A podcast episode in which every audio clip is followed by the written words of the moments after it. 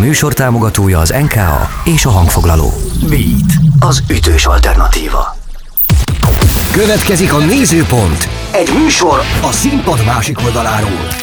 Beat, az ütős alternatíva. A mikrofonnál Lombos Marci. Beszélgető partnerem pedig most nem ül velem szembe, hanem áll. Uh, azt hagyd kérdezem meg, egyébként Darvasi Liviusnak hívják, és nem egyébként, hanem a Darvasi Livius, akinek én nagyon örülök. Volt szerencsém többször vele együtt dolgozni, és irgalmatlan profizmus, úgy szeretem komolyan a, a szigort, meg, a, meg közben a jó fejséget, meg látni azt, hogy, hogy a projektér vagy, és emberközpontúság van, de sikerorientáltság, uh, egy csomó mindent tudnék mondani. Szóval, hogy nem ülsz, hanem állsz. És el tudom képzelni, hogy ebben benne van nyilván jöttél vonattal. Honnan jöttél most Pécsről? Pécsről. Pécsről. És uh, bocsánat, hogy... engednek, hogy hadd had, üdvözöljem is a kedves hallgatókat, illetve mindenkit Persze, a túloldalán. szóval, hogy azért állsz, mert egyébként egy ilyen állandóan izgő mozgó csávó vagy? Igen, igen, ezt, ezt egyértelműen ki tudom jelenteni. Abba is van igazság, amit mondtál, hogy, hogy rojtosra ültem a fenekemet a vonaton, és végre jól esik mozdulni, mozogni, de alapvetően is mindig, ha otthon melózok, telefonálgatok, vagy kint vagyok terepen, én, én mindig, mindig rohangálok. Nem, nem igazán vagyok hozzászokva ahhoz, hogy üljek. Már kíváncsi vagyok, hogy ez az izgő mozgóság, ez mikor kezdődött, ezt majd meg fogjuk beszélni, de most mutassuk be vendégemet, Darvasi Liviuszt. Nézőpont. Első sor. Első sor. Négyegykártya. Darvasi Livius, Pécs. Darvasi Livius több mint 14 éve dolgozik a zeneiparban. Produkciós menedzser, színpadmester, szcenikus, koncert és rendezvényszervező egy szemében. Jelenleg a Pécsi Est programjaiért felel Gellai Gergővel karöltve, valamint részt vesz a PEN, vagyis a Pécsi Egyetemi Napok, illetve a Made in Pécs Fesztivál szervezésében. A pécsi elfoglaltságai mellett több nyári fesztiválon is felbukkan, mint színpadmester. Erősíti például a Fishing on Orfű, a Szín, a Művészetek Völgye, a Rock Maraton vagy a Fekete Zaj csapatát. Nézőpont. Nézőpont. Egy műsor a színpad másik oldaláról. Beat. Beat az ütős alternatíva. Az izgő mozgóság. Hogy el tudom képzelni rólad, hogy te már gyerekként is ilyen hiperaktív srác volt, az iskolában szerintem a tanárok nem nagyon bírtak veled, de ezek az én prekoncepcióim, beszélj inkább te. Ez egyébként sajnos nem igaz, tehát hogy, hogy ilyen figyelmes, vagy hogy mondjam, ilyen, ilyen mindig odafigyelő gyerek voltam a suliba, főleg, hogyha olyat hallottam, ami érdekelt. Tehát nem igazán volt rám jellemző, hogy az iskolapadba folyton fészkelődök. Ez inkább, hogy lettem idősebb, úgy, úgy alakult ki, hogy, hogy ugye én mint, mint zenészként kezdtem itt a zeneiparba, tehát hogy tipikus lépcsőfokról lépcsőfokra dolog volt, hogy kis garázs punk zenekarba zenélgettem, aztán ugye elkezdtünk koncertezni. Tehát menjünk egy picit visszább, hogy Igen? egyébként suliban te, te kultúraorientált voltál? Irodalom töri szakos, ja, eléggé. Tehát, hogy te, te bírtad, az, hogy, hogy, hogy kultúra van, az nem egy garázsban talált rád, amikor, amikor te milyen hangszeren kezdtél? Én, én akusztikus gitáron kezdtem, és akkor a zenekarokba basszusgitáros lettem, aztán most megint akusztikus gitár, de inkább gitár, gitárorientált. Szerintem én voltam az egyetlen, mert egyébként én beszálltam a, az iskolai énekkarba, ez, én egyébként egyházi iskolába jártam, katolikus egyházi iskolába, és szerintem az egyetlen vagyok, aki templomba a mise alatt képes volt metalikát meg nirvanát játszani egyszer gitáron. De hogy játszottad is? Hát persze, így, így, így belecsempésztem ezekbe az egyházi akkordokban néhány vonulatot, és akkor ugye mivel a, a tanárok nem voltak képbe ezekkel a zenekarokkal, így, így, így azt hitték, hogy a saját kreálmányaimmal díszítem az ilyen zsoltár énekeket, de nem, azért megszólalt néha egy Smells Like Spirit akkord, vagy egy litium. Tehát, hogy, hogy azért volt neked renitenség az életedben. Persze, persze, igen, igen. De, de visszatérve, hogy, hogy abszolút humán beállítottságú vagyok és kultúraorientált, tehát a, a gyenge pontjaim mindig a matek, meg, meg a fizik, nem, a kémia, ez, ilyenek voltak. Az, hogy te biztosan a zenével fogsz foglalkozni, az hogyan indult? Mikor, mikor találtál magadra, mint zenész? Ennek egyébként van egy egész pontosan datálható időpontja, viszont az érdekessége az, hogy nem is a zenével akartam én foglalkozni, hanem a rádiózással világ életemben rádiós szerettem volna lenni. 12 éves koromban talált rám ez az egész dili, az egyébként hozzátartozik, hogy előtt engem katonai pályára szántak. Tehát lehet, hogy valószínűleg innen jön nekem, tudod, a munka közben is ez a precizitás, meg ez az időtartás, meg a uh-huh. pontosság, hogy alapvetően szeretek ilyen rendszerközpontúan gondolkodni, de hogy a katonai pálya elvetése után jött ez a dilemma, ami azzal köthető össze, hogy egyrészt láttam a Howard Stern életrajzi filmet, az intim részeket, ami teljesen megfolt, hogy azzal, hogy emberekhez lehet beszélni, és, és, és reakciót lehet velük így kiváltani, meg ebből meg lehet élni valahol, ahogyan éppen. Ez engem teljesen kifordított magamból. A másik ilyen pedig az Offspring kaliforniai punk zenekar Amerikána lemeze volt, ami, amit már tudatos zenerajongó vagy zenefogyasztóként szívtam magamba, és levett teljesen erről a, a, a katonai pályáról, és, és indított el azon az úton, amin a mai napig taposok. De te gondolkodtál abban, hogy katona leszel? Igen, én nagyon sokáig el, elhittem magamnak, hogy én katona leszek. És akkor ilyenkor nem tudom, úgy hajtod össze a ruhát, ahogy kell. Tehát, hogy, mert szerintem a katonás nevelés, én voltam katona, uh-huh. Viszonylag öreg csávó vagyok. Tehát, hogy én még beleestem ebbe a kötelező sorkatonai szolgálatba. Egyébként nekem az, nekem az fura volt otthon, nem, nem kívánták meg tőlem azt a rendet. Hát, hogy, hogy tényleg, tényleg centire meg volt szabva, vagy minim, szinte milliméterekre, hogy hogyan kell összehajtani a ruhákat. Otthon tőlem sem, tőlem sem várták el, viszont kollégista voltam, ott viszont elvártak bizonyos szintű rendet és fegyelmet. Tudod, hogy vesd be magad után az ágyat, tényleg egyébként a másnapi ruhád az centire legyen összehajtva, előkészítve, a, a leckék, meg a hasonlók minden a helyükön legyen. Ez úgy, úgy jött, ez meg volt nálam is, de otthon a szüleim révén ők, ők elég lazán fogtak engem. Tehát mindig az volt a motto, hogy legyen rendben a tanulmány, tanulmányoztál, és akkor csinálhatod, amit szeretsz.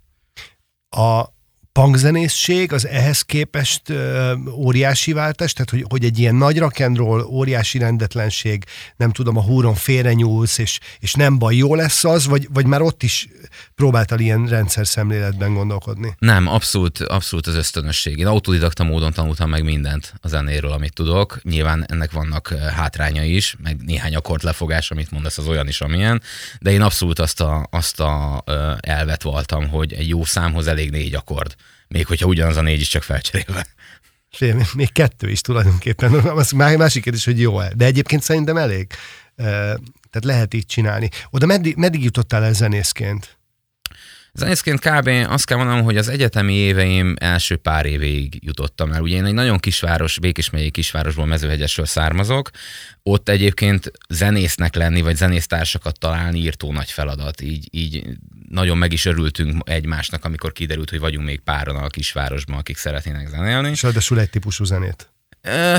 Mondjuk úgy, hogy inkább, inkább egy, rászoktattuk egymásra egymás dilieit. Tehát valaki mondjuk kispálfan volt, én, én, én a kaliforniai punkzenéket szerettem, a harmadik, a, a, a dobost például úgy találtuk meg, hogy ő volt az egyetlen dobos a városban, aki a fúvózenekarba dobolt, és akkor a helyi fúvózenekar, és akkor megkérdezték, hogy szereted rockzenét, hát hallgatok Eddát, meg jó, oké, te leszel a dobos. Egyébként jó dobos vagy, csak ő teljesen más műfajban dolgozott. A, a szólógitárosunk az, az death metal, meg szólóvirgák, meg, meg ez az északi metal vonalt hozta, és akkor ebből összegyúrtuk azt, amit a mi saját zenének tudtunk mondani, de mondom, nem igazán volt nagy a, a, kínálat abból, hogy kivel akarsz együtt zenélni. A zeneipari háttérmunka, az hogyan szívott el téged a zenélésből? Abból, tehát, hogy, hogy, hogy tulajdonképpen szervesen mentél tovább, tehát valaki tud, megtudta rólad, hogy, hogy zenész vagy, és akkor gyere pont van itt neked való dolog, vagy Hát egyrésztről, egyrésztről ebben már belevihető az én mentális és fizikai zsizsikeskedésem, folyton ugrálásom, hogy amikor Szegeden az egyetem párs, első pár évében kiderült, hogy hát ez a zenekaros most már nem igazán akar ez így összejönni, meg már meguntam én is tudod, hogy a 42. formációba megyek bele és oszlok fel, vagy, vagy oszlik fel a zenekar, és hogy abba hagyom ezt az egészet. Pont akkor így sorszerűen jött egy szegedi zenekartól, egyébként a szegedi disztópia zenekar, akik, akiket máj napi nagyon jó barátaim, és akiket ismertem már korábban, és hogy ők kértek fel igazság szerint erre, hogy figyelj már,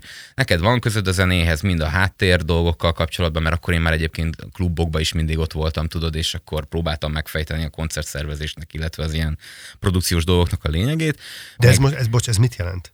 Mármint, hogy mit jelent, hogy, hogy, hogy megfejteni. Hogy próbáltad megfejteni. Hát Tehát, alapvet, hogy, hogy alapvetően, már... hogy hogy áll össze egy este, tudod, tehát hogy váltják egymást a zenekarok a színpadon, hogy áll maga maga a koncert szervezésügyileg. Mert... De ezt még fizető vendégként? Igen, igen, igen. Hát fizető vendég, ez nagyon érdekes, mert alapvetően egy kisvárosban, akár Szegeden és akár az egy kisváros, tehát ez, ez a zenei közösség ismer mindenki mindenkit. Tehát, hogy, hogy nem mindig voltam én most konkrétan fizető vendég, de azért ott voltam. És akkor próbáltam ezt így összerakni magamnak, hogy, hogy hogyha például én, én egy zenekart szeretnék felléptetni, vagy összeszervezni egy programot, akkor az mégis hogy áll össze. Tehát kivel kell jóba lenni, mit kell megfigyelni, mire kell odafigyelni. Emlékszel így az első tapasztalatokra? Hogy mi, mik voltak az első nagy ilyen kicsit, óba Kicsit ködösen, de igen, mert egy, mert egy picit nekem ez összefolyik, tudod, azzal, hogy, hogy a zenekarjaimban is sokszor voltak szervezési dolgok, amik rám hárultak. És már nem igazán tudom külön választani, hogy ez a szervezési dolog mikor volt, mikor kezdődött zenekari tagként, meg mikor már úgy, hogy én szervező vagyok. De, de így, így, így kb. ezt én neked olyan 2008 környékére datálhatnám, így 2007, de már korábban is Hány volt. éves volt akkor? Hát most vagyok, várjál, hány éves vagyok? 35, hát számoljuk ki, 86-os vagyok, mondom, a matek az Bajban vagyok, 22, az mínusz 14 év, az azt jelenti, hogy 20, hány éves vagy? 30? 35. 35. 35, 35 és akkor, akkor, akkor 21 20-as éveim elején. Igen, de mondjuk azt képzelem, hogy mondjuk én 15 éves koromban kezdtem el zenekarra zenélni, 15-től mondjuk akkor így 21-22-ig inkább 21 éves koromig a zenekarokkal voltam elfoglalni, elfoglalva, és a saját aztán a saját zenekarjaimmal, vagy amik, amikben éppen játszottam, mert volt, hogy egyébként csak kiegészítettem egy zenekart, vagy meghívtak, és akkor aztán 22 éves koromtól kb. ott onnan már szerintem tipikusan az volt, amikor úgy mutatkoztam be, hogy akkor én vagyok ennek a zenekarnak a menedzsere, vagy például én vagyok itt a szervező, ezt a programot én viszem, vagy ilyesmi. Szintén autodidakta módon. Igen. Igen. Mint menedzser, zenekari menedzser, hogyan kezdted? Tehát, hogy, hogy Pont, pont úgy kezd, a, a, van, van egy zenekar, akik nem tudják, hogy jobbra menjenek, vagy balra. A disztópia zenekar volt ez, aki elindított engem ezen az úton, hogy konkrétan ők megkértek arra, hogy mivel nekem nincs zenekarom, de úgy látják, hogy így ért, mint hogy kapizsgálom ezt a szervezést, és nem segítenék nekik koncerteket szervezni, vagy nem tudunk együtt dolgozni.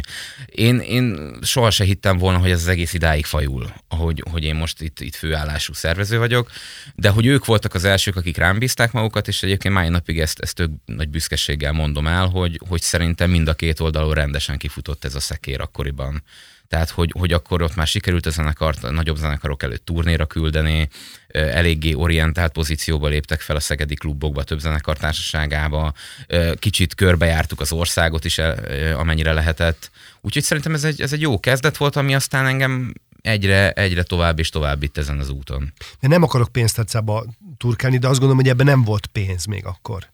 Nem, annyira nem volt, de hogy mondjam utána, hogy, hogy látták mások, hogy a disztópiával hogy dolgozunk, így azért páran bejelentkeztek Persze, még csak nálam. hogy miért csináltad, érted? Hogy, hogy neked mi volt abban a motiváció, hogy hogy mások Hát valamennyi pénzt azért kerestem Aha. ezzel, de érted most egy egyetemistának mi a legfontosabb, hogy, hogy a lakbérre való meglegyen, meg legyen És sörre meg volt való. belőle? Volt, hogy meg volt, igen. De egyébként tudtad, hogy, hogy benne van -e a, a munkába a pénzt? Tehát tudtad, hogy ebből te tudsz kihozni én nem pénzt, így álltam, nem? Én nem így nem. álltam hozzá, hogy én most ebből meg fogok élni, vagy ebből akarok úgy megélni, hogy, hogy nagy lábon. Igazság szerint egy, egy óriási jó buli volt az, hogy, hogy pénzt tudok keresni olyan dologgal, amit szeretek, és nem mondjuk a, a Pix szalámi gyárba kell diákmunkásként robotolnom. Teszem hozzá, ilyen is volt, de hogy onnantól kezdve ez nekem egy ilyen tök nagy büszkeség volt, meg mindig vitt előre, hogy, hogy akkor ebből még mit lehet kihozni. Te egyébként dolgozol együtt manapság tanulókkal? Tehát olyan, olyan fiatalokkal, akik mondjuk 20-22 évesen mások életét próbálják egyengetni, vagy más, mások gazdasági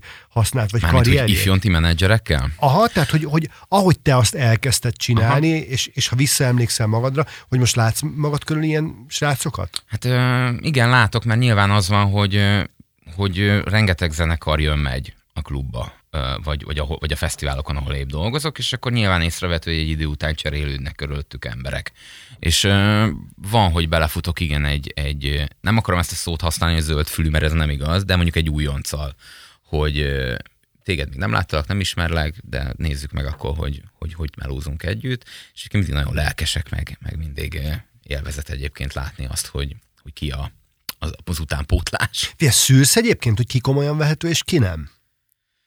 Uh, ez inkább nem egy konkrét szűrés, ez olyan nálam tudod, hogy az első pár e-mail vagy telefonbeszélés vagy mondat alapján én, én észre szoktam venni, hogy meddig lehet elmenni az emberrel, vagy szakmailag meddig tudom komolyan venni. Tehát, hogy, hogy mi az, amit tudok, hogy, hogy akkor most hol kell nekem belépnem plusz irányításképpen, vagy tudom, hogy itt minden flottul úgy fog lemenni, ahogy ezt megbeszéltük. Ah, de alapvetően együttműködő vagy a leg, Mindenki, leg, tehát, legújoncabbal is. Persze, tehát hogy, hogy nem vagyok valami izé, szigorú tanárbácsi, aki izé, kiebrudalja a gyereket az osztályból, vagy a, vagy a tanteremből, bár e, most így beszélgetünk, egyre idiótább hasonlatok jutnak eszembe, de hogy nem, én mindenkivel igyekszek partner lenni, sőt segíteni is, hogy ha véletlenül valamit legközelebb másképp kéne csinálnunk, akkor azt hogy csináljuk. Szerintem egyébként ez is a, a, a feladata olykor a, a, az öregebbeknek. Olyan van egyébként, hogy azt mondod, hogy, hogy na e- ez a csávó, az nem komolyan vehető. Volt már ilyen. Volt már ilyen, de hát most ez, ez olyan minden Meg munka- tudod mondani, miből érzed ezt?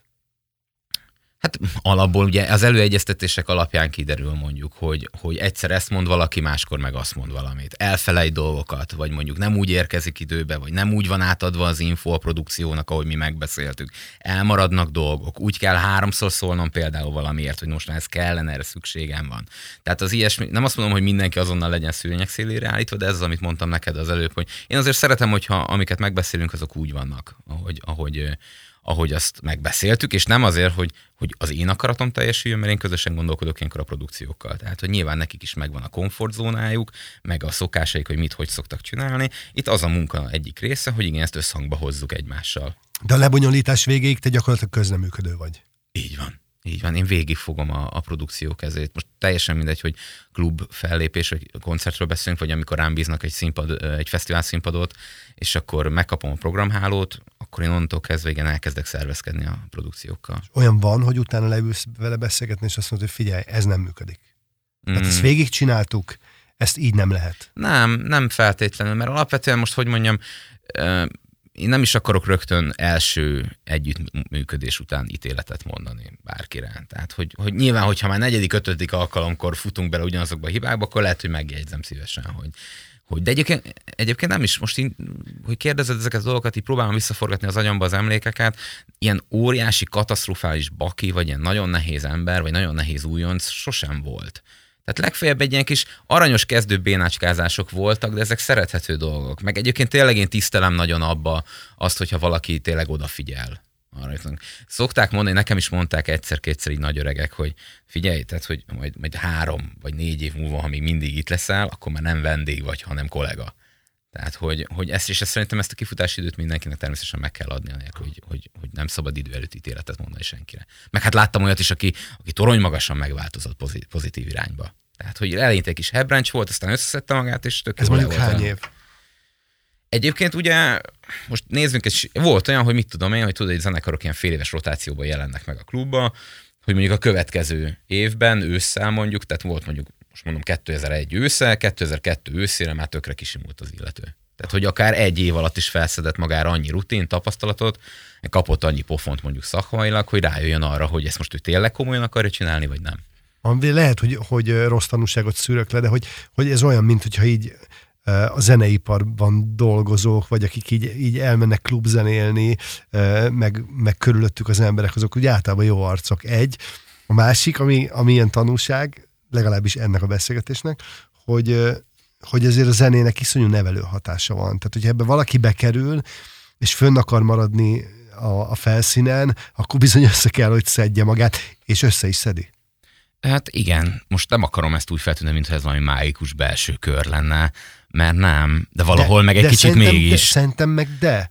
Érted, hogy a, hogy, hogy a hangokkal rezegni, tehát egy olyan, olyan világot, olyan világban élni, amiben nem feltétlenül a szemedet használod, hanem, hanem érted, a fizikai rezgésekben élsz, az szerintem egy kicsit más szemszög. Most ez lehet, hogy igen? Hü- Hülye vagyok? Hát Nem, Mondd- nem, nem, csak éppen Marci, hülye vagy. Nem, nem vagy hülye, csak nem értem, amit mondasz. Nem, hanem, tehát, hogy én, én ugye nem, most né, tekintsük rá, én nem vagyok zenész, tehát nem vagyok főállású zenész, én nem zenélek zenekarba. Én azt nézem összességében, hogy a sok részfeladatból a produkció hogy tud a legtökéletesebben kivitelezni az adott fesztivál színpadon, vagy éppenséggel a klub színpadokon. Ebbe mindenkit én partnerként akarok kezelni, és most akár szemmel, akár füllel, akár lélekkel rezonál, de próbálom összehozni azt, hogy mindenkinek jó legyen. Tehát nyilván a zenekar élvezze, hogy ott van nálunk, a közönség még jobban élvezze, hogy ott van a zenekar, én is élvezem a munkámat, meg élvezem azt is, hogy, hogy na ezt most nagyon nagy élmény volt oda tenni, felrakni, meg hát nyilván a zenekart kísérő minden stábtagnak meg legyen ez a komfort érzete. Tehát, hogy itt szerintem nagyon fontos, hogy, hogy ez, ez szerelem munka mindenkinek. Tehát, hogy ezt, ezt ne csináljuk, amennyire lehet, ne csináljuk fásultságból, vagy éppenséggel ilyen, ilyen dacból, vagy, vagy idegből. Sőt, inkább az a legjobb, hogy ezt nem szabad szerintem idegből csinálni. Van, amikor oda kell lépni, de ez, ez, ez ne ez legyen az elsődleges. Nézőpont. Második sor. Második sor. Felfedezett. Meghallgatjuk az első dalunkat, a rovat címe a Felfedezett. Egy olyan banda vagy produkció, akit úgy állítasz a színpadodra, úgy viszed oda, és kockáztatod a saját gazdasági sikeredet, hogy, hogy látod, hogy nincs az a nézőszám, nincs az a követőszám, nem ismerik őt, de mégis azt mondod, hogy értük, kockáztatok. Kit hoztál nekünk, és miért? Én egy pécsi underground zenekart hoztam most nektek, a nevük a Vodka for Kids, és megmondom őszintén, nem régóta ismerem őket, szerintem max egy éve figyeltem fel rájuk, vagy még lehet, hogy annyi se, és nekem jelenleg ők Magyarország egyik legkedvesebb kemény zenei zenekara jelenleg. Sőt, én megmerem kockáztatni, hogy a Chief Rebel Angel zenekar óta nem rajongtam ennyire underground zenekarért, mint értük, és remélem egyébként, hogy még nagyon sok jó hangzóanyaggal fognak minket megajándékozni.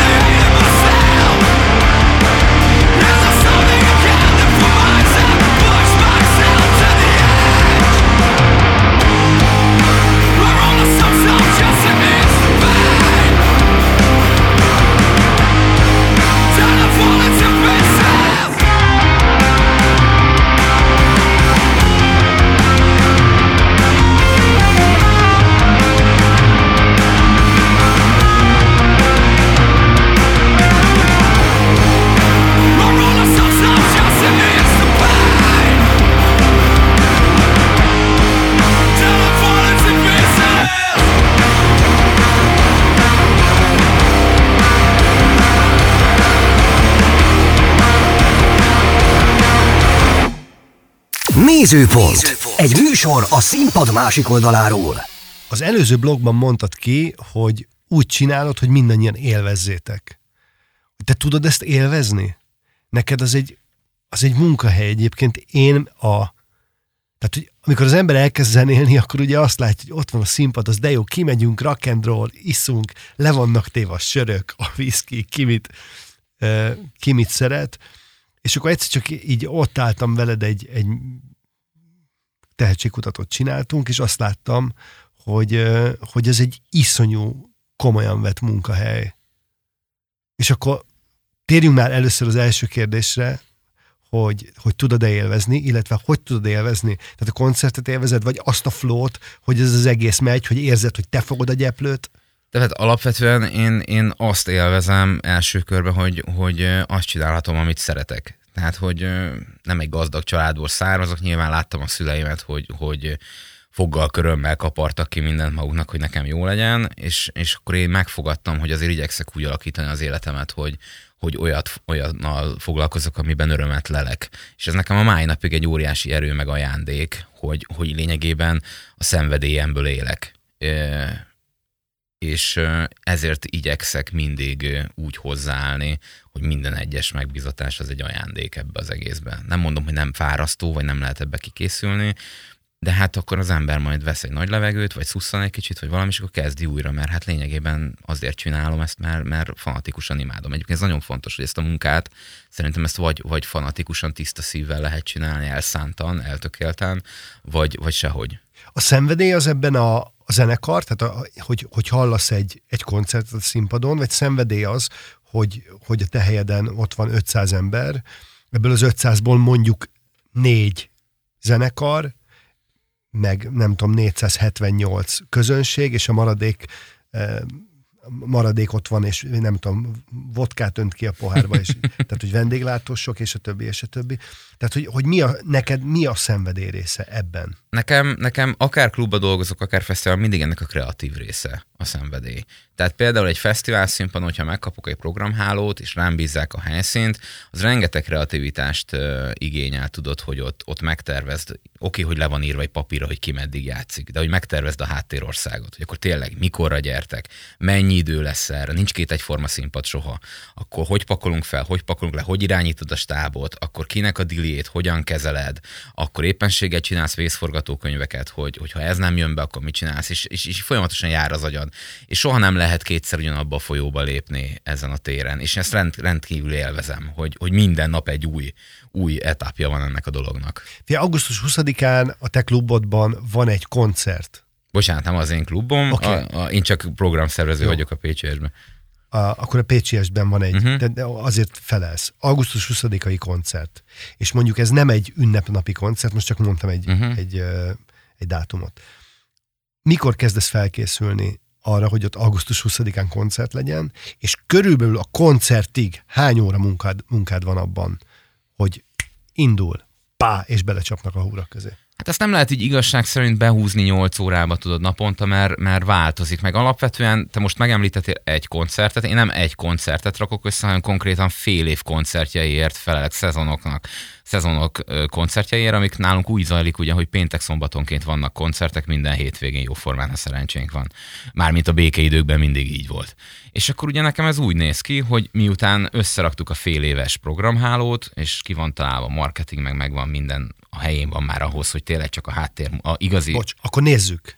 A, az idényt, uh-huh. azt mikor kezded el szervezni? Tehát azt a fél, fél Mondjuk, mondjuk vegyünk egy őszi, őszi idényt, okay. ami nálunk mondjuk az október elején indul és tart, akkor mondjuk december végéig, vagy január első hetéig, ugye a Made in Page Fesztiválig addig eléggé feszes a klub életi koncerttempó.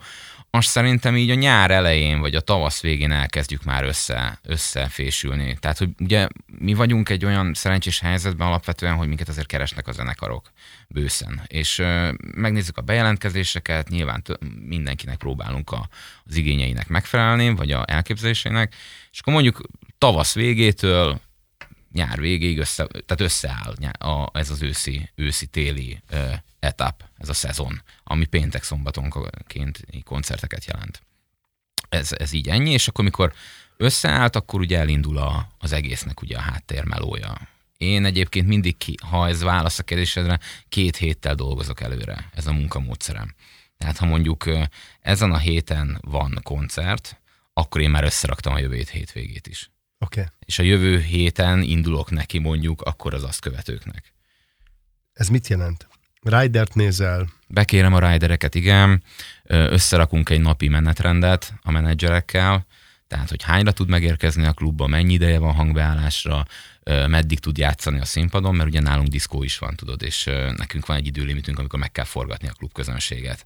Tehát nem az van, hogy minden zenekar akkor játszik, amikor akar, hanem én adok egy időintervallumot, vagy adunk egy időintervallumot, és, és ezen belül kell felosztani a zenekaroknak az idejüket. Nyilván belekalkulálva az átállásokat, a hangbeállásokat, a megérkezést, a lepakolást, felpakolást, stb. Igen?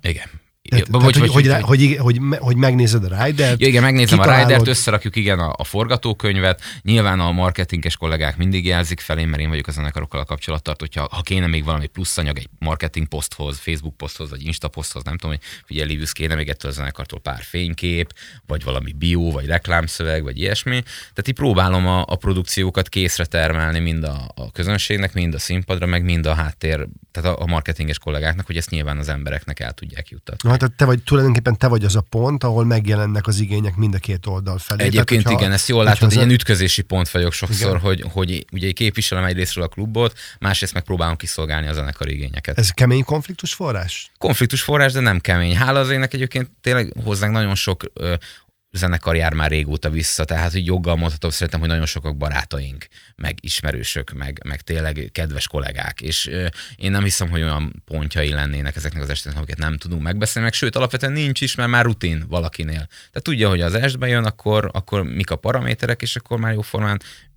csinálunk mindent úgy, mint legutóbb. Oké, okay, persze, ennyi. Az, az, abban a két hétben, ugye mondtad, hogy, hogy két, két héttel uh-huh. készülsz, hány telefon hívás van átlagban a zenekarral? Egyébként szerintem kettő-háromnál nem szokott több lenni. Uh-huh. Meg általában mindig én telefonálok szerintem többet. Pont azért, mert ugye, hogy megjelennek a másik oldalon is esetleg be nem gyűjtött vagy elfelejtett dolgok, és akkor felhívok egy-két, egy-két embert, hogy akkor még ez meg az kéne, vagy figyelj, most itt van egy kis változás, akkor ezt, ezt hogy csináljuk szerintetek. Inkább érdekes, hogy mondjuk egy fesztivál szezonban napi, nem is tudom, szerintem 40-50 hívásom van. Tehát, hogy tényleg folyamatosan ott van. Miközben fönt vagy a színpadon? Hát a, a színpad, meg a backstage között rohangálva, meg minden, igen. Tehát mondjuk egyszer csináltam magamnak ilyen statisztikát, azt képzeld el, hogy egy fesztivál szezon után majdnem száz új ismerősöm lett a Facebookon. És hát most ez szoroz be a telefonívásokon. Egy. Egyetlen egy profilom van. Most tudod, 5000-nél betelik. Tudom. De egyébként most már egy kicsit így leszoktam arról, hogy mindenkit visszajelölgetek, mert így, így tényleg már, már nem is tudom, hogy kit ismerek meg itt, nem. Ugye nézd, békéidő, nekem van majdnem 14 fesztiválon, amely dolgozok. Ez azért rengeteg ember. A zenekarok, akikkel dolgozol, mitől nehéz esett valaki, egy produkció, és, és mitől van az, hogy, hogy gördülékeny, hogy ezt valahogy válasszuk már ketté? Hát ez egy jó kérdés. Alapvetően szerintem a rutin az, ami gördülékenyé tesz mindenkit olyan nincs, hogy rutinos zenekar, tehát sokat játszik, és valami miatt mégis, tehát nem tudom, Én állandóan ezt... akarnak valamit, soha nem elég jó. Mármint most klubról beszélünk, vagy, vagy fesztiválon futottam ebbe valami ilyesmibe. Fesztiválokon egyébként úgy érzek, hogy mindig nagyobbak az igények, de ott nyilván nagyobb is a show. Tehát egy, egy klubkoncerten nagyon-nagyon ravariálni sok mindent nem lehet, mert ugye tényleg kötöttek a paraméterek és hát nyilván val- akik, akik hozzánk járnak, ezeket mind ismerik. Akinek meg esetleg ezek nem felelnek, meg azok meg nem jönnek, vagy nem jöttek vissza.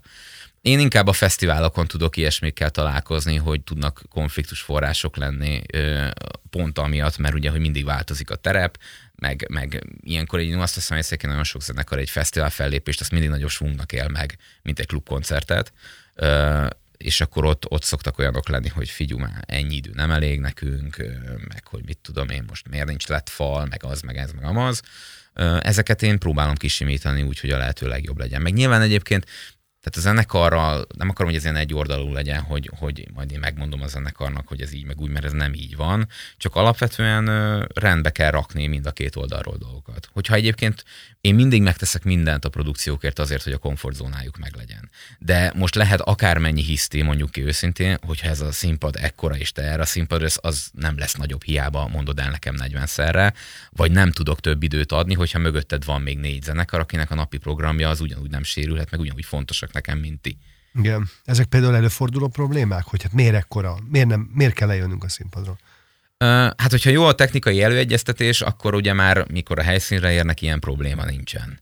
Vagy például szokott ilyen konfliktus forrásnál, tudod, mindig a dobdobogók száma. Van elég, nincs elég, hogy merre hány méter. Szoktak is engem ilyen dobogó királynak csúfolni a kollégák, hogy mindig pörgök ezeken az apróságokon, de hát ez csak azért van, mert nyilván próbálom kiszolgálni a, a, a produkciót is, meg elmenni mind a két oldalon addig a pontig, hogy tudjam, hogy na, akkor ez most ez így, ez így jogos, vagy nem jogos, vagy hogy tudjuk megcsinálni. Tehát, hogy mindig ugyanaz a lényeg, meg a sztori vége, hogy mindenkinek jó legyen, és az a zenekar játszon egy jót a színpadon, a közönség pedig ezt élvezze. Igen. Ö, időbeli gondok azok, tehát hogy mondjam, tehát hogyha ha a technikai előegyeztetés frankon össze van rakva, akkor az rendben van, ott már nincs meglepetés. Az meg, hogy ö, valaki tartja az idejét, vagy nem tartja. Ha valaki profén, azt mondom, hogy ő ezt megérti és tartja.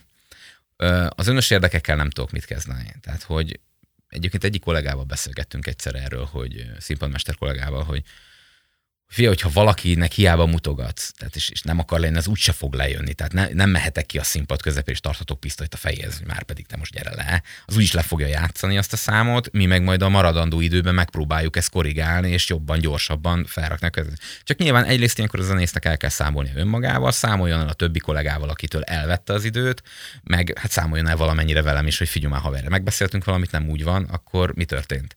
Aha de, de egyébként ezek, ezek ritka esetek. Nem azt mondom, hogy nem fordul elő, de szökő évben talán egy-kettő ilyen van. És azok is olyan percek, amiket, amiket be lehet hozni.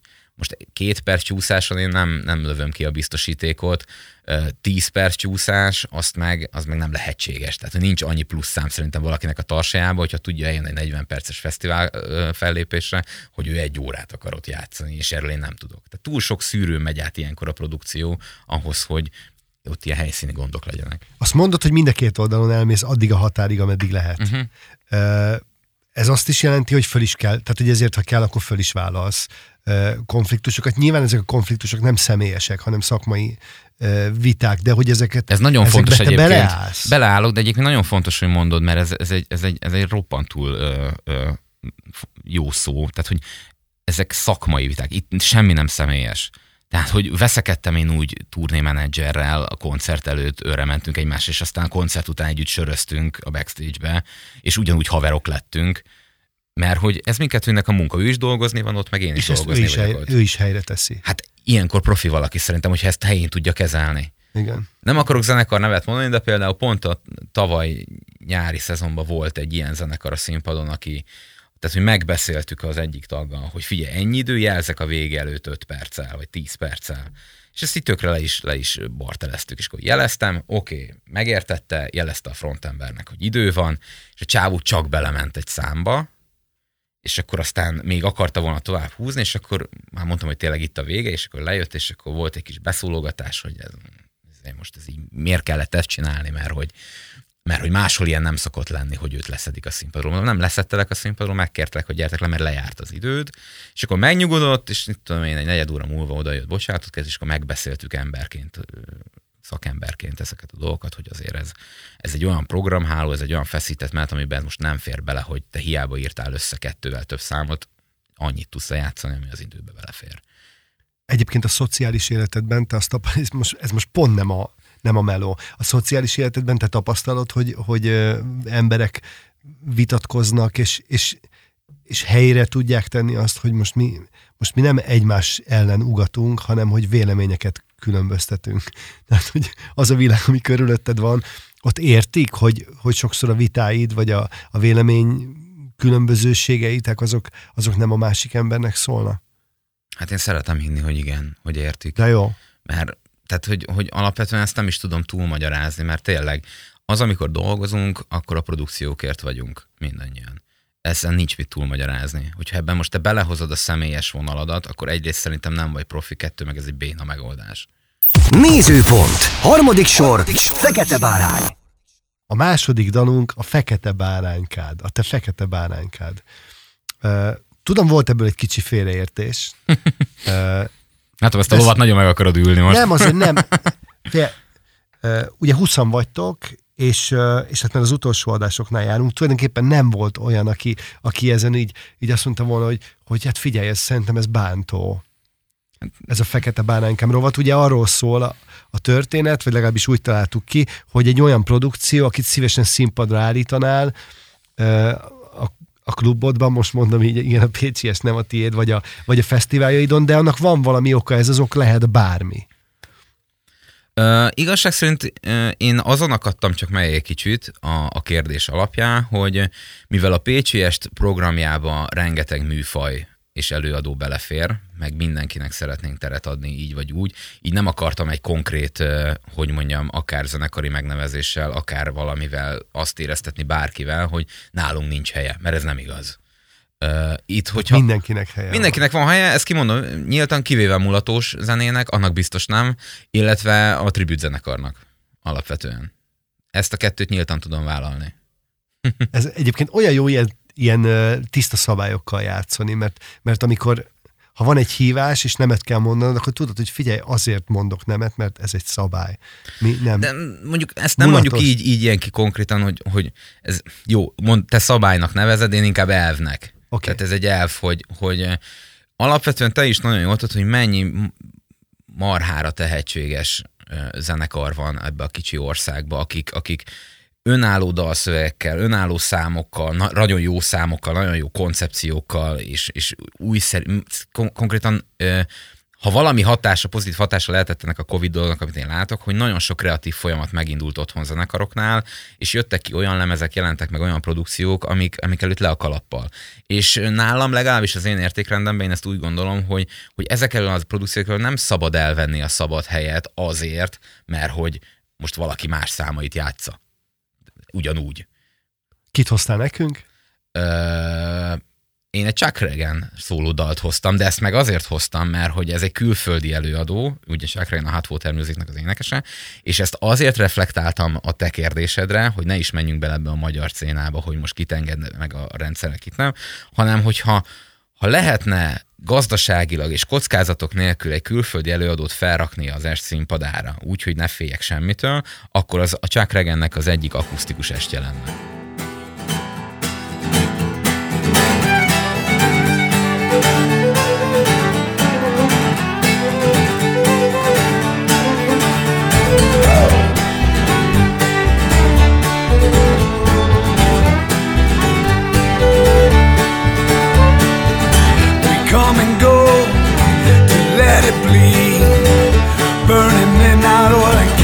Apple things to see.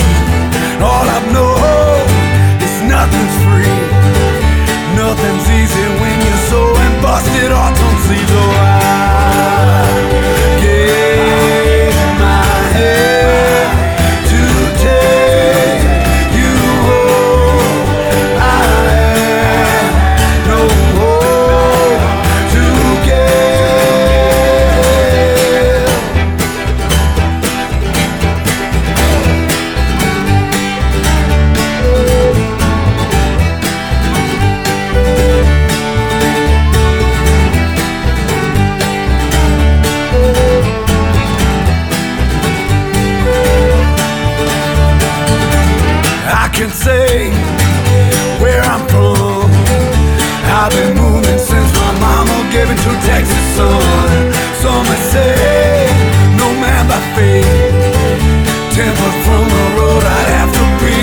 In flames. Oh.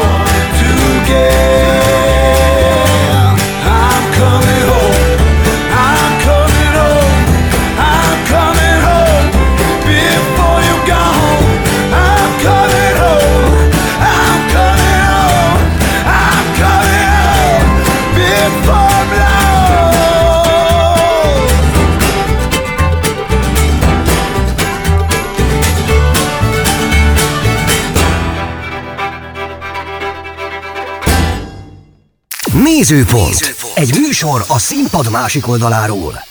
Beszélgessünk egy kicsikét Pécsről, nemrég voltam ott, én azért a Pécsi éjszakában nem nagyon e, mozgolódtam. Hiba. Amit, igen, igen, míg nem elmentem egy öröm a tehetségkutatóra, és az egyik zenekaratok, e, pécsiek, elvittek minket megmutatni. Fields, a Fields zenekar Igen. lehetett? Velük lehet mulatni, igen, Igen. rendkívül aranyos srácok. Uh, te mit látsz? Ugye mondják, hogy ez Budapest központú ország. Igen, így van. Pezseg a kultúra. Koncertek, múzeumok, klasszikus koncertek, jazz koncertek, tehát minden uh-huh. van. Hát Pécs, na mi, mondd te, Budapesthez képest mit látsz Pécsen? Nagyon érdekes egyébként, hogy most pont én állok itt és beszélek erről, mert akár is nézzük, tehát én Szegeden a szegedi kulturális életbe szocializálódtam, és Na de hát az meg a másik. Igen, és onnan kerültem át aztán Pécsre, hogy foglalkozzak különböző koncertekkel, meg rendezvényekkel. Így én nem tudom... Bocsánat, el is költöztél nem, Pécsre? nem költöztem, én átjárok Pécsre dolgozni, mai napig Szegeden élek, én imádom Szeg. Tehát olyan, olyan szempontból is, hogyha azt a rengeteg utazást, meg, meg meg, meg mindenféle 90 fokba alvásokat a buszon, vonaton, autóba félretesszük, akkor nagyon szerencsés vagyok, mert sikerül a mai napig úgy léteznem a kulturális zenei életben, hogy nem kellett Pestre költöznöm, hanem kb. a két kedvenc vidéki városomban létezek egyszerre. Mert Szegeden élek a feleségemmel, és Pécsen dolgozok formabontó remek marhajú zenekarokkal és egy olyan kulturális közegbe, ami szerintem párját ritkítja, és hát örülök, hogy ezt te is meg tudtad tapasztalni, miközben te szegénységi bizonyítványot, hogy milyen későn, de majd ezen dolgozunk a jövőben. De érted, soha nem késő. Így van. Egyszer azt mondta egy barátom, hogy uh, így panaszkodtam, hogy hát a francba, hogy elmúltam ennyi és ennyi, és, még, és, és hogy nem tanultam meg zongorázni. És akkor azt mondta, hogy fél, soha nem késő. Ez így van. Vagy meg... Mindig el lehet kezdeni, képzeld el, hogy másodszor voltam a gitárórámon. Mindegy. Oké.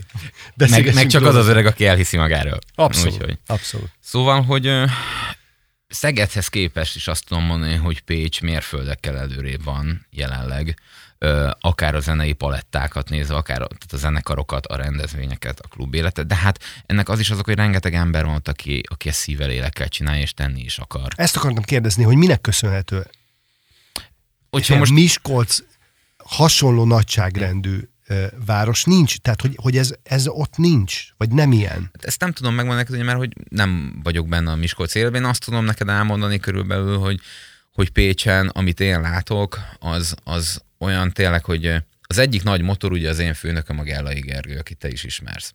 Tehát Gergőnek folyamatosan vannak olyan ötletei, olyan hozzáállása, ő is egy örök mozgó, sose tud leállni, és van egy olyan hogy mondjam, ilyen lelkiismeretes hozzáállása ennek az egész, ehhez az egész kultúra ápoláshoz, ami számomra példaérték. És nyilván egy ilyen ember motiváló hatással van rám is, meg a többi kollégára is, és hát nyilván ez, ez meglátszik a, a munkánkon is, illetve meglátszik a, a pécsi dolgok egy részén, mert hát nem csak Gergő van Pécsen, de rengeteg más olyan szervező kollega is, vagy klubhely alakult ki, ahol, ahol ilyen nagyszerű emberek dolgoznak, de hogyha egy mondattal kéne válaszolni, én azt mondanám, hogy Pécs azért ilyen, mert alapvetően ott az emberek teljesen természetesnek veszik az élőzenét. Tehát az, hogy egy zenekar feláll a színpadra és játszik, meg hogy ha valaki zenélni, akkor nem a zenegépbe potyogtatta a százasokat, hanem vette egy gitárt és elkezdett rajta játszani és dalokat írni, az ott teljesen így, így, így természetes. Tehát beleszívod a levegőből magadba a zenét Pécsen. Ez, ez egy hihetetlen ö, légkör számomra, mert egy nagyon termékeny és kreatív légkör is. Hát nyilván, ahol ilyen légkör van, az magával vonza, hogy ilyen dolgokat lehet tapasztalni, amiket most te is láttál. Te ezt hogy látod, ennek ott meg is van ágyazva? Tehát, hogy mondjuk ö, politikailag, és most nem pártpolitikai értelemben mondom, hanem hogy, hogy nem tudom, az önkormányzatnak programjai vannak, hogy a, a zenekaroknak ö, próbahelyeket biztosítanak, szóval, hogy, hogy vajon mi lehet emögött így társadalmi szinten? Hát most politikai én abszolút nem tudok, meg nem is akarok belemenni ebbe a dologba. Az önkormányzatnak a, a, a állásfoglalását meg végképp nem ismerem. Én, amit el tudok neked mondani, hogy amikor ott vagyok a klubban, egyértelműen azt látom, hogy rengeteg helyi zenekar segíti egymást, és dolgoznak azért egymáson, egymás mellett, hogy, hogy ez, a, ez az élőzene szeretete megmaradjon ez is, ez is példaértékű szerintem. Egyébként legjobb példára nézd meg a Made in Page Fesztivált, ahol most idén három határon túl és három debreceni zenekaron kívül majdnem 150 helyi érdekeltségű zenekart léptettünk fel hét helyszínen. Tehát ez, ez egy óriási helyi érték, amit igenis gondozni kell, meg foglalkozni vele. Tudsz te olyan várost a Pesten kívül, ahol 150 produkció, helyi értékű produkció mutatja, alkot. Sőt, vannak olyan zenészek, akik direkt erre a rendezvényre alakulnak, mert hogy a részesei akarnak lenni. Tehát nekem ez ilyen mesebeli dolog, ami tök jó, hogy valóra vált. Jó, jó ilyenbe dolgozni. Mondod, mondod a Gergőt. Igen. Hogy uh, szerinted ilyen egy embereken múlik az, hogy hogy, hogy Csapaton múlik szerintem, de... Tud, de hogy érted, hogy, hogy, hogy vannak ilyen kulcsfigurái Szerintem ez elke, elkerülhetetlen. Mármint, hogy igen. Szerintem mindig kellenek a kulcsfigurák, akik életbe tartják, meg maguk a motorjai ennek az egésznek.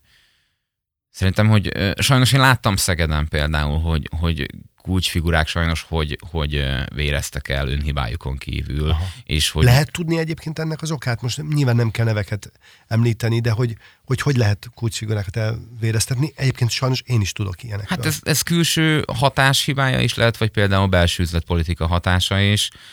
Most mit tudom én, olyan hibákat Aha tehát egyrésztről, hogyha ingyenes városi rendezvények rátelepülnek egy olyan városra, ahol, ahol igenis az undergroundot próbálják életbe tartani, és küzdködnek 500-600 forintos belépőjegyekkel, és ez nem megy, mert ugye, hogy mindig van valami nagy szabadtéri rendezvény, ami elszívja az embereket, az igaz hosszú távon tud ártó lenni. Ez nekem szerint meggyőződésem. A másik, a belső hiba az például csak, hogy nyilván nem mindent, kes, kös, hogy nem mindent kenjünk különböző városvezetési dolgokra. Ha mondjuk valaki úgy áll egy klubhoz, tudod, hogy nincs benne a mérlegbe egyen, tehát nem, nem az egyensúly a gazdasági, meg a művészeti vonal. És ha a művészeti vonal mondjuk például megborul, hogy, hogy túl sok uh, saját tőkét szór el uh, olyan estékre, amik, amik nem tudják ezt visszahozni, akkor igen, ott előbb-utóbb elvérzik a dolog, bármennyire is szereti az ember, amit csinál, vagy próbál értéket teremteni. Tehát, hogy muszáj, hogy a, a, a kulturális, meg a, a, a belső szellemi élet mellett azért egy elég kemény gazdasági mérlegképes agy is rájön erre a projektre. Aha. Tehát kereslet kínálat. Tehát, hogy, hogy, hogy bármilyen misszióban van az ember, egyszerűen a gazdasági... Uh, a kultúrmisszió nagyon fontos, igen, de, de szerintem legalább fontos az is, tehát, hogy, hogy, hogy gazdasági lábakon egy-két dolog azért meg tudjon állni. Nem mindig, meg nem minden, de ha hosszú távon csinálja az ember, akkor, és, és mondjuk a gazdasági oldal nem nagyon megy, akkor előbb-utóbb ugye elvérzik a dolog. Te van olyan program, amit így kezelsz? Mármint, hogy gazdasági alapon? Igen, hogy gazdasági alapon is. Hát ö, igyekszünk, igyekszünk ö, így illetve, illetve az van, hogy, hogy valószínűleg a, a Pécsi esben minden zenekar úgy van, vagy, vagy hogy, hogy, hogy amikor összeraktok egy, egy szezont, akkor igyekeztek úgy összerakni, hogy legyen gazdaságos is, meg legyen benne a misszió is. Így van, ezt, ezt jól látod. Tehát, hogy volt nem egyszer az, például a legjobb példa, most összecsináltuk a, a, a Pécs Underground Mini Fesztivált, ezt a Kisterem néven, ami a, egybe volt kötve a Bali Dávid könyvének a bemutatójával, ami szintén a magyar underground metal kemény zenével foglalkozott, hogy mi nagyon fontos kultúrmissziónak éreztük egyrészt a Dávid könyvét, hogy, hogy rendesen be legyen mutatva, a kettő pedig, hogy e, e, e köré felrakjunk olyan pécsi zenekarokat, amik nagyon tehetségesek, útattörőek, és szeretnék magukat megmutatni a közönségnek. És mi ezt ilyen hogy mondjam neked, ilyen becsületkasszásan csináltuk például. Tehát, hogy, hogy nem volt konkrét belépőár, hanem aki jött, és erre kíváncsi volt, az tegyen bele a persejbe valamennyit, hogy, hogy nyilván mindenkinek jó legyen. Mármint az a zenekaroknak is jó legyen. Egyébként lehet tudni, hogy, hogy mondjuk így milyen mérleggel zártatok most, és most megint nem turkával, de hogy, hogy pozitív? pozitív, Érte, volt. Hogy, hogy, pozitív hogy... volt, pozitív volt a, a mérleg, igen. Nagyon örültünk, ennek a, nagyon örültünk ennek az estének, hogy, hogy egyrészt ekkora érdeklődés volt az underground zenekarok iránt. Kettő pedig, hogy, hogy azért az emberek akarják támogatni ezeket a zenekarokat. Teszem hozzá nem minket, mert mi nem tettünk zsebre egy, egy fityinget se ebből, de hogy, hogy a zenekaroknak tudott például gázsia lenni, érted? meg alapvetően egy jó helyen tudtak fellépni normális körülmények között. Ezek fontosak szerintem, ezek a dolgok. És igen, egyébként most ettől az eseménytől független is van olykor, hogy tényleg gondolunk egyet, és most, most van egy tök jó paletta. Oké, okay, lehet, hogy nem telik meg az 500 fős klub, de csináljuk meg, mert ezek, ezek, ezek tök jó srácok, meg ez egy tök jó zene. Menjünk bele, majd máshol valamikor visszajön ez a dolog. Nézőpont. Negyedik sor, amikor megáll az idő. Amikor megáll az idő. Az utolsó rovatunkban arról a produkcióról beszélgetünk egy kicsit, amikor, amikor óriás hajtásban vagy, 6000 felé figyelsz, tulajdonképpen nem is biztos, hogy meghallod a zenét, de meghallod a zenét. És akkor azt mondod, hogy hát igen, én tulajdonképpen ezért kezdtem bele. Erről kire asszociálsz? Erről az élményről? Most, most az Elefántnak a Plüss című száma jut eszembe, két dolog miatt is.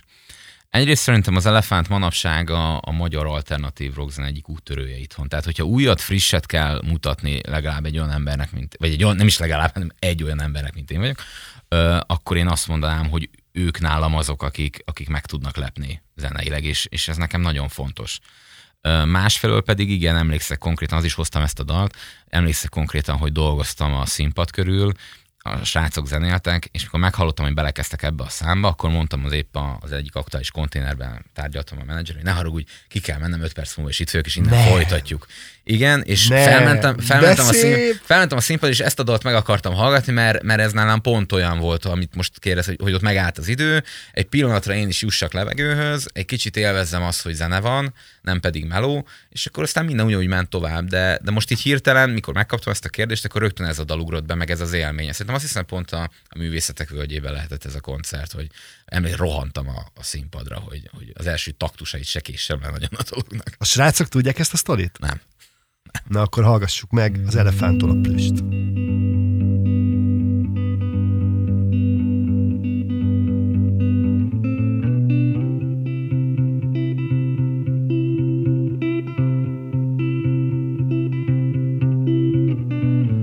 Ezek túlpó a plüssök, most táncoljak lassan, vagy amíg meleg üssük, csak enged, hogy hasson rád. Már érzem, hogy alakul körülöttem az orgán. Mm. Az orgán. Én már érzem,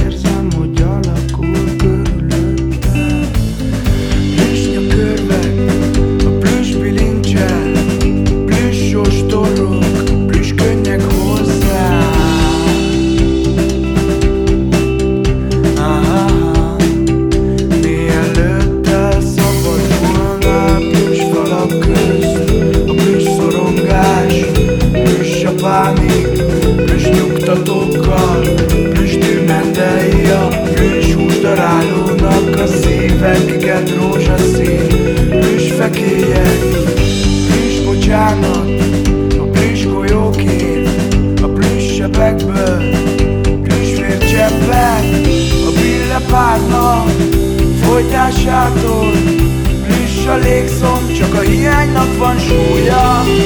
Plüss csontjaimat a plüss karjaidba. Plüss ágynemükben kérlek, plüss meg újra. Plüss, ahogy csak bírsz és plüss, amíg szeretsz. Plüss, hogy éljek, vagy hogy érezzem, hogy élek.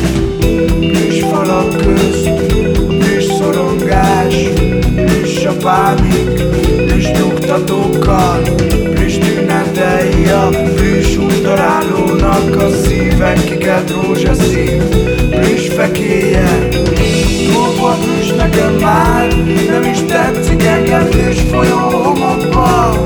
Hiába küldesz a felszínre dugom ki Majd a szívószálam azon keresztül szivárogjon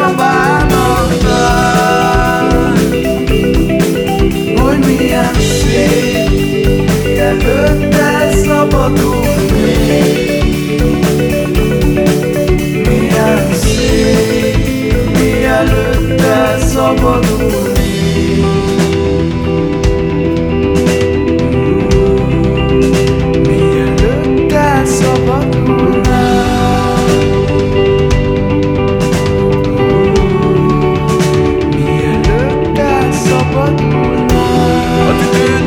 nézed majd először az, hogy vége lesz Hogy közeleg már a bazi nagy terminális Plüss betartott tűzlő, plüss enyészet vár csak rád Mielőtt elszabadulnál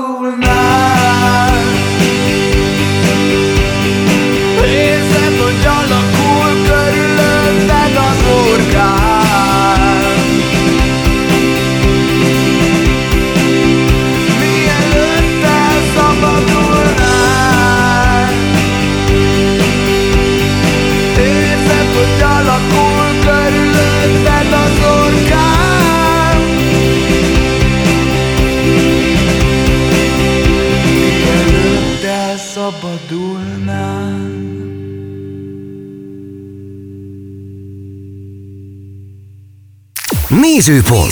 Egy műsor a színpad másik oldaláról. Beat. Beat. Az ütős alternatíva. Végezetül van egy standard kérdésünk. Van egy varázsgömb, amiben bármit de- beletehetsz, és csinálunk egy csiribit csiribát, és az eljut mindenkihez, akit szeretnénk, és akit megajándékoznánk egy dologgal, amit te beleteszel ebbe a varázskönyvbe, vagy varázsgömbbe, ez a, a magyar könnyű zeneipar. Igen. Mit tennél bele ebbe? Mármint, hogy Milyen? A gömbbe. milyen terméket tennék bele ebbe Hát a ez gömbbe, nem amit biztos, hogy mindenki- termék, vagy- ez bármi lehet, lehet termék is. Egy rendes Fender Stratocaster. Ja. Nem tudom. Érted? Tehát, hogy, hogy bármi, ez, ez, Aha. ez lehet egy érzés, Aha, egy értem, mentalitás, már értem. egy... Figyelj, én egy minden gondot előző négy akkordot. Azt hiszem, ezt. Hogy, hogy, hogy legyen meg minél több embernek az az érzés, amiről legutóbb beszéltünk. Hogyha meghallja ezt a dalt, vagy valamelyik dalt, aminek kedves, akkor ki tudja kapcsolni azt az öt percre, azt a, azt a minden gondot, ami van, és átadja magát annak, ami, ami az a zene, vagy az a dal. Livius, én nagyon szépen köszönöm, hogy itt voltál, jó utat kívánok. Neked mész egyébként egyből vissza? Nem, még van egy pár elintézni valamit a városban, úgyhogy majd csak késő este indulok vissza. Nem mulatod meg akkor a budapesti éjszakát. nem, volt már ebben részem párszor, most pont nem, de ami késik nem múlik, ugye. A hallgatóknak pedig köszönöm szépen a figyelmet, sziasztok! Én is köszönöm szépen. Ez volt a Nézőpont. Egy műsor a színpad másik oldaláról. Beat. Az ütős alternatíva. Köszönjük, hogy velünk vagy. Köszönjük, hogy velünk vagy. Beatcast. Ez a podcast a Beat saját gyártású műsora. Beat. Az ütős alternatíva. Részletekért látogass el a beatradio.hu weboldalra.